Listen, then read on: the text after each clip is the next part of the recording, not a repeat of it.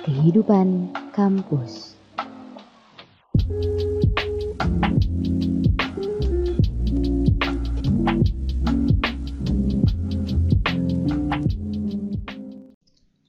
Halo Sobat Cerdas di mana pun kalian berada, selamat datang di podcast Kehidupan Kampus. Sukses tidak harus stres. Baik lagi bersama aku, Siva Islah, di podcast Kehidupan Kampus episode ini. Spesial banget, aku mau ngundang temen lama aku. Jadi teman SD ceritanya. Bukan ceritanya SD, beneran. Dia bener teman aku waktu SD. Yang dari nilai UN-nya terus uh, prototype SD, SMP, SMA sampai kuliahnya tuh beh mantap. Jadi uh, temen aku ini cowok, nih aku kasih clue ya, dia cowok, anaknya pendiam, gak banyak ngomong, tapi tiba-tiba dia, wih masuk sini, wih sekolah di sini, terlebih apalagi kuliah sih, ih keren banget pokoknya. Jadi untuk kalian, uh, terlebih untuk ke sobat cerdas yang lagi mau cari-cari informasi menarik tentang Universitas Indonesia. Dia lu jacket. Siapa sih yang gak mau masuk Universitas Indonesia?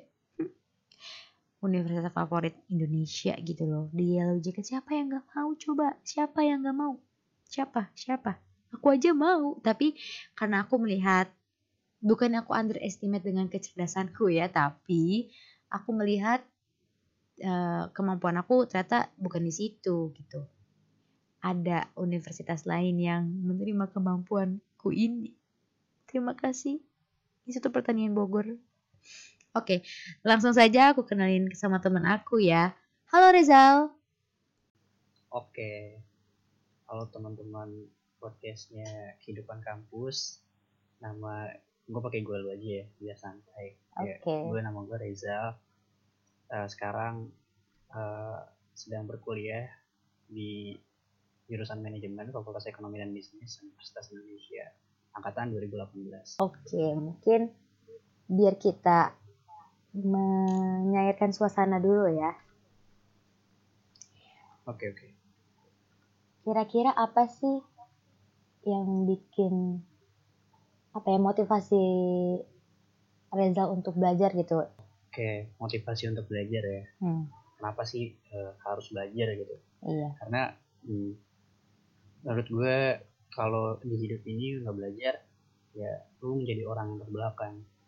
Ya lu di setiap momen-momen pasti lu belajar sesuatu.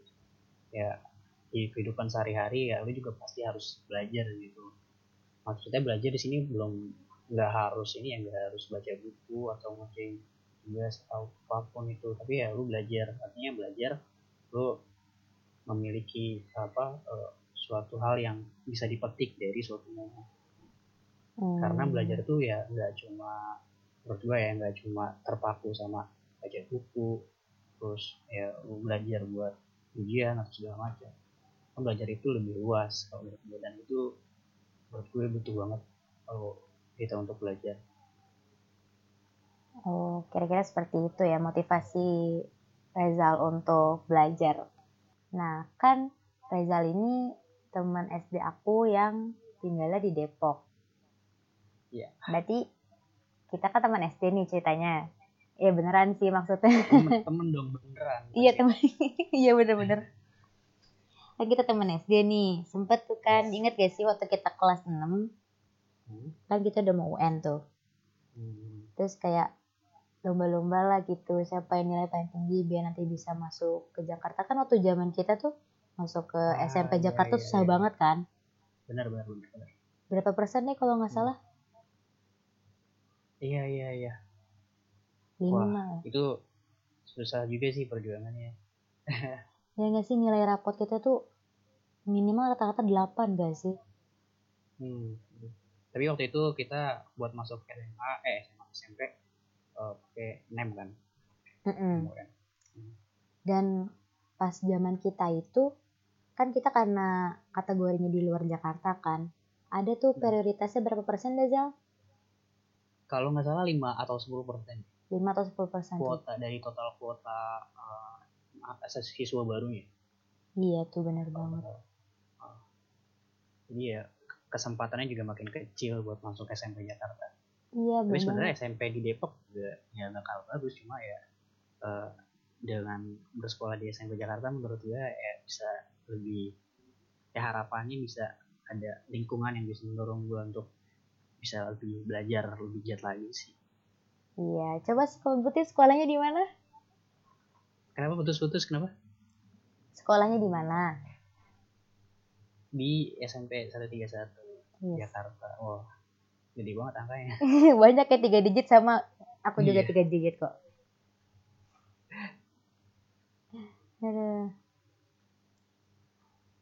kalau bisa disebutin dari masa SD, SMP, SMA sampai kuliah nih semester 5 kan. Mm-hmm. Ada nggak sih sebutin deh tiga momen atau enggak tiga pengalaman yang menurut Rezal itu itu tuh kayak pacuan buat kamu di sampai sekarang gitu. Gimana pertanyaan? Sorry pengalaman atau enggak kayak peristiwa yang bisa dipetik gitu atau enggak pacuan Rezal kalau misalnya tuh karena tiga pengalaman ini tuh Rezal bisa berdiri sampai detik ini gitu. Hmm, I see. Oh, menurut gua itu tuh bukan hanya karena ada satu peristiwa ya, tapi pasti ada rangkaian peristiwa. Jadi ya nggak hanya single faktor aja tapi ya multiple faktor dan ya banyak yang membuat gue sampai sekarang. Dan ya nggak ya mungkin dari SD SMP SMA banyak lah kejadian-kejadian yang membuat gue uh, sampai kayak gini sampai di titik ini gitu loh. Ya mungkin karena yang pertama pasti didikan orang tua sih didik orang tua sebenarnya nggak terlalu keras tapi ya uh, pengen aja gitu anaknya belajar. Dan karena gue juga anak yang nggak terlalu yang kayak gimana gimana gitu ya jadi ya gue belajar belajar aja gitu gue nurut nurut aja gitu sama orang tua. Itu terus ya lama kelamaan deh terbiasa sih dari SD SMP SMA dan akhirnya sampai sekarang juga um, jatuhnya alhamdulillah sih makin mandiri karena karena karena sekarang kan tuh udah nggak perlu disuruh belajar lagi tapi ya kita belajar sendiri kan. Hmm. dan itu ya kan? Dan itu udah mungkin dari SMA kali ya gue kayak gitu. Mulai terbuka kali ya karena tuh belajar itu bukan buat diri sendiri juga gitu. Yes. Hmm, kayak gitu. Mungkin sobat cerdas bertanya-tanya nih kenapa kok bisa gitu? Seorang Rezal bisa gitu masuk UI yeah. bangga sedikit. Aduh. Mungkin cerita dikit kali ya. Boleh boleh. Ceritain uh, ceritain. ya emang dari mas pas masuk SMA SMA gue 97 for your information uh, ya di Jakarta juga. Nah pas awal masuk SMA itu emang tekad gue awalnya ya SMA ini adalah batu loncatan gue buat ke kuliah nanti. Di mana nanti pas kuliah pasti uh, lu di situ membangun reputasi nanti di dunia pekerjaan dunia karir. Dan ya apa ya gue udah mikir gitu dari SMA dan SMA itu kan juga ada peluang buat masuk kuliah namanya SNMPTN jalur undangan dan udah diiming-imingin tuh dari dari kelas 10 kalau misalkan nilainya rapotnya seimbang eh stabil. Dari semester 1 sampai semester 5 atau meningkat lah harusnya dari semester 1 sampai semester 5 nah itu bisa dengan mudah masuk ke PTN gitu. Nah dari situlah insentif gue harus belajar dari semester 1 di SMA gue udah eh dari kelas 10 lah gue udah belajar udah serius gitu karena itu adalah modal gue buat nanti semester 5 gitu buat nanti uh, daftar di SNMPTN itu gitu hmm. jadi kayak harus berpikir dari jauh sih udah kayak Strategi dari gitu. kelas 1 tuh belajar belajar belajar gitu Eh kelas gue tuh enggak sih enggak. maksudnya ya kayak masih siswa SMA biasa gitu lah. Cuma ya gue juga kayak siswa SMA biasa cuma ya kayak lebih sedikit ambis. Sedikit ya sedikit boleh ya. Udahlah terus Ya gitu karena dari kelas 1 mungkin termasuk anak yang sedikit ambis ada nggak sih kira-kira yang terpikirkan oleh Rezal sendiri ya? Eh, ih nyesel nih kenapa sih waktu kemarin tuh terlalu belajar banget gitu jadi ada hal atau nggak ada momen yang terlewatkan gitu dari Rezal sendiri ada nggak Hmm. Oh ini kayak kayak pengorbanan gue dalam eh, kerja keras ya gitu ya Iya belajar ya. kira-kira seperti itu Oh, oke. Hmm. Apa ya mungkin gue nggak tahu sih tapi gue SMA gue senang-senang aja gitu kayak nggak terlalu beban juga. Gue masih bisa berorganisasi. Waktu itu gue organisasi waktu sama osis terus ya gue punya banyak temen temen gue sportif. Sering juga jalan-jalan bareng temen waktu itu. Ya apa ya maksud gue jadi balance aja gitu ya? mungkin mungkin pengorbanannya itu ya tenaga dan pikiran sih dan itu pasti harus kita korbanin kalau kita kalau kita pengen raih apa yang kita pengen gitu kan Hmm. nggak banyak yang yang dikorbanin ya kayak misalkan pertemanan juga pertemanan banyak. Terus juga waktu luang ya mungkin waktu luang ya waktu luang. Pas SMA itu yang mungkin banyak tugas. Atau ya tugas kelompok waktu waktu itu gue inget banget. Eh, jadi kayak ada kelompok bukan kelompok sih kayak tugas tugas seni rupa. Nah itu eh suruh ngelukis di di apa di kanvas Kanvas. terus iya. Nah terus itu tuh kan lama banget kan ya dan itu baru pertama kali juga kita kita ngelukis di kanvas. Dan itu tuh ngerjainnya sampai jam 1 2 pagi di rumah gue gitu. Teman-teman teman-teman sekelas gue mungkin bukan bikin Nirmana Tapi- bukan sih? Kenapa? Bikin Nirmana bukan sih? Yang mana? Bikin Nirmana bukan sih? Bukan bukan bukan. Jadi kayak di- dikasih tugas suruh ngelukis temanya itu kubisme.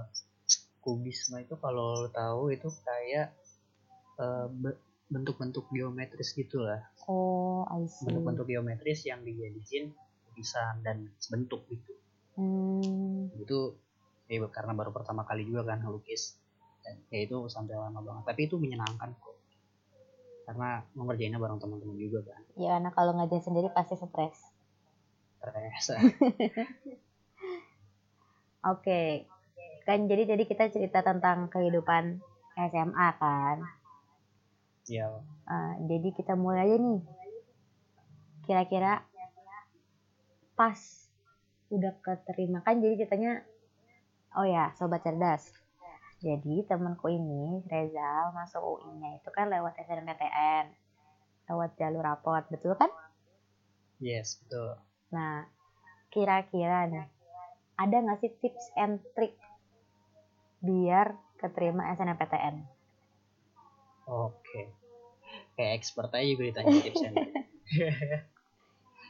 Tapi ya itu sih. Kalau pengen dapat SNMPTN ya di semester 1 harusnya udah sadar kalau misalkan lo itu punya kesempatan buat eh, masuk SNMPTN, masuk PTN lewat jalur undangan. Nah, itu tuh membuat eh, apa ya?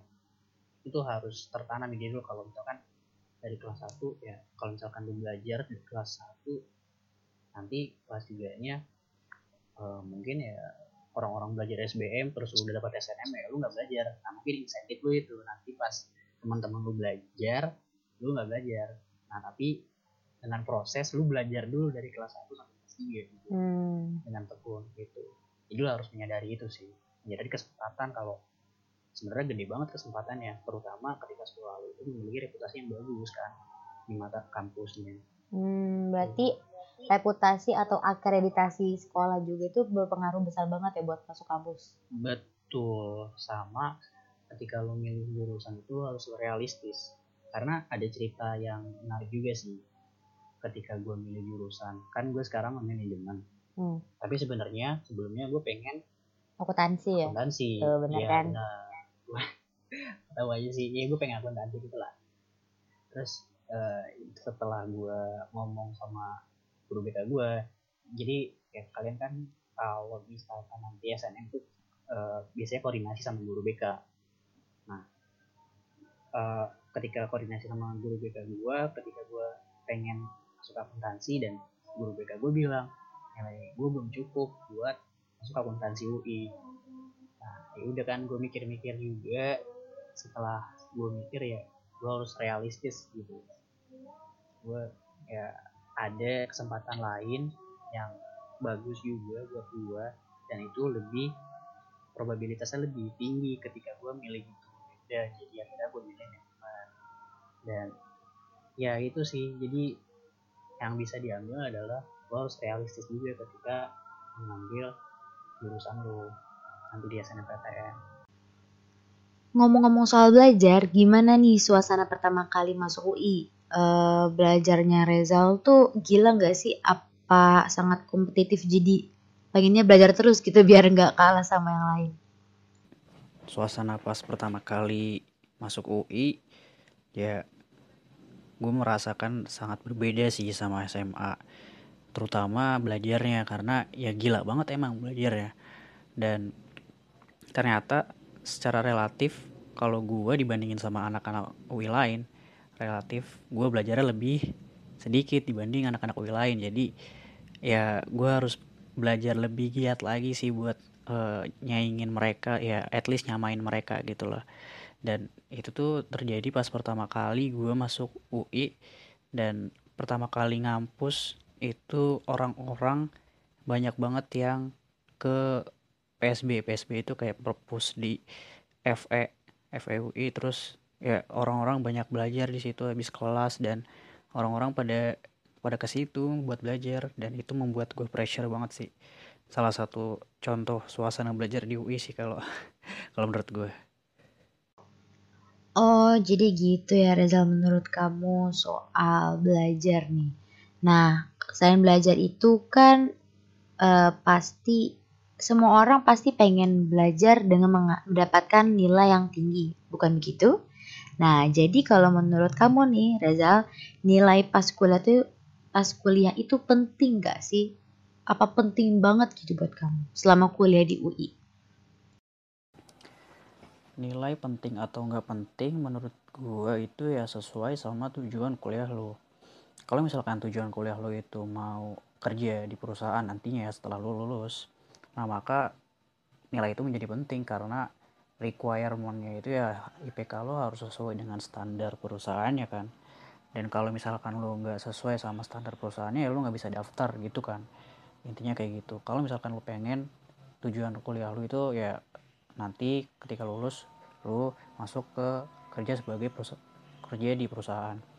Tapi kalau misalkan ya tujuan kuliah lo nanti akhirnya lo membuat sebuah bisnis atau ya lo pengen cari ilmu nah itu menurut gue ya nilai bukan menjadi hal yang menjadi prioritas utama menurut gue. Gitu sih dengan tidak menjadikan nilai sebagai prioritas itu ya harus tahu konsekuensinya juga. Kalau misalkan ya masa atau ya jangka waktu kuliah lu tuh mak makin lebih panjang lagi kan. Karena mungkin ada beberapa matkul atau nilai yang belum sampai C atau ya sesuai sama standar kelulusan minimum kampus masing-masing lah gitu. Ya maksud gue harus mengetahui konsekuensi lah dari setiap pandangan dan tindakan yang lo ambil gitu? Hmm, berarti menurut kamu tuh tergantung dari goals yang akan kita tuju ya. Jadi nilai itu enggak tergantung seberapa besar IPK atau nilai akhir uh, dari yang kita capai gitu sobat cerdas. Jadi tergantung goals kita. Jadi kalau misalnya kita mau masuk ke perusahaan, kita juga harus mempertimbangkan nilai IPK atau nilai akhir yang kita dapat nih. Nah, kan kalau misalnya nilai tinggi itu atau enggak kita mau masuk perusahaan deh, pasti kita harus membutuhkan relasi orang orang-orang biar kita tuh uh, gak pinter sendiri gitu. Nah, kalau menurut kamu nih gimana cara kamu buat bagi-bagi waktu antara organisasi uh, dan uh, circle pertemanan gitu. Karena uh, di kehidupan sehari-hari kita tuh nggak bisa lepas dari namanya uh, pertemanan dan juga uh, organisasi gitu. Sekecil organisasi pun keluarga itu sebuah organisasi kalau menurut aku. Jadi uh, kan aku denger-denger nih kita kan sempet tuh dua tahun yang lalu uh, buka puasa bersama kan reuni kecil-kecilan SD lah gitu sekelas kita. Nah organisasi dan pertemanan. Nah, karena kan aku tahu nih Reza ini kan anak OSIS dan Rohis waktu SMA kan. Pasti kuliah juga organisasi dong. Boleh ceritain nih gimana pengalaman organisasi waktu kuliah? Iya dulu gue di SMA gue anak Rohis dan anak OSIS juga. Dan ya dari SMA gue juga udah belajar kayak manage waktu buat ya belajar organisasi pertemanan uh, sama keluarga juga. Jadi ya kayak udah terbiasa ya sebisa mungkin sih udah ada organisasi sih dari SMA soalnya itu ngelatih lu juga buat buat lu ngomong buat manage waktu lu juga sih. Kalau kalau menurut gue manfaat utama dari uh, ikut organisasi itu kerasa banget di diri gue itu.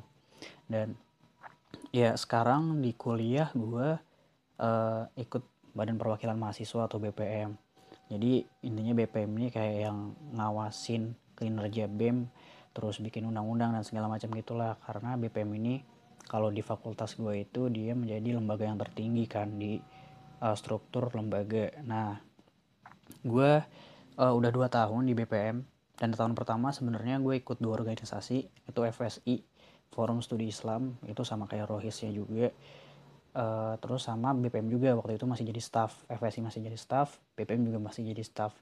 Dan tahun kedua sekarang gue masih di BPM sebagai kepala komisi pengawasan eksekutif. Jadi ya kerja gue ngawasin kinerja BEM terus himpunan-himpunan gitulah.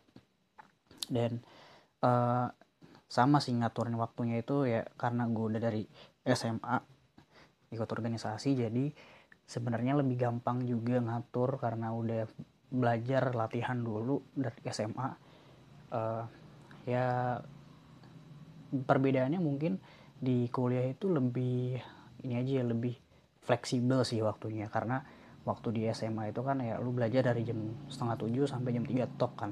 Dan itu ya udah maksud gue dari jam segitu sampai jam segitu di, di sekolah dan harus belajar. Nah setelah itu lu bebas ngapain tapi kan di kuliah ya bisa aja.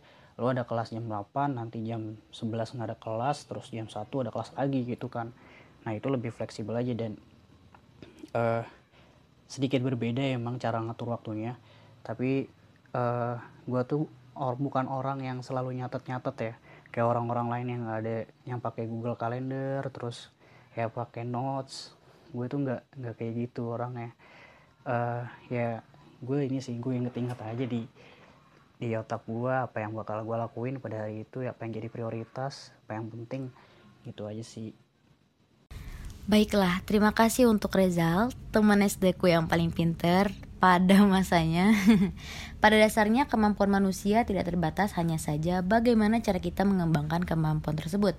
Untuk sobat cerdas di mana pun kalian berada, seperti yang diucapkan oleh temanku tadi, kalau mau diterima di PTN lewat jalur undangan atau SNMPTN, kalian harus sangat rajin giat belajar mulai dari kelas 1 sehingga nanti waktu kelas 3 kamu dapat sedikit bersantai. Selain itu, pilihan jurusan juga sama pentingnya, harus memilih jurusan yang realistis dengan nilai dan kemampuan sobat cerdas. Cobalah kuliah sesuai dengan kata hati kalian. Dengan begitu, kamu akan menjalaninya juga sepenuh hati. Hidup itu emang susah, harus dipenuhi dengan rasa kesabaran. Dan sabar itu mahal. Kalau murah, hadiahnya dispenser, bukan tiket kesuksesan. Nah, gak kerasa ya udah bincang-bincang dengan durasi yang sama seperti episode lalu mungkin. Aku harap dengan ada podcast ini, pengetahuan dan wawasan kalian tentang dunia kampus semakin bertambah ya. Semoga apa pun yang diceritakan segera terkabul. Amin.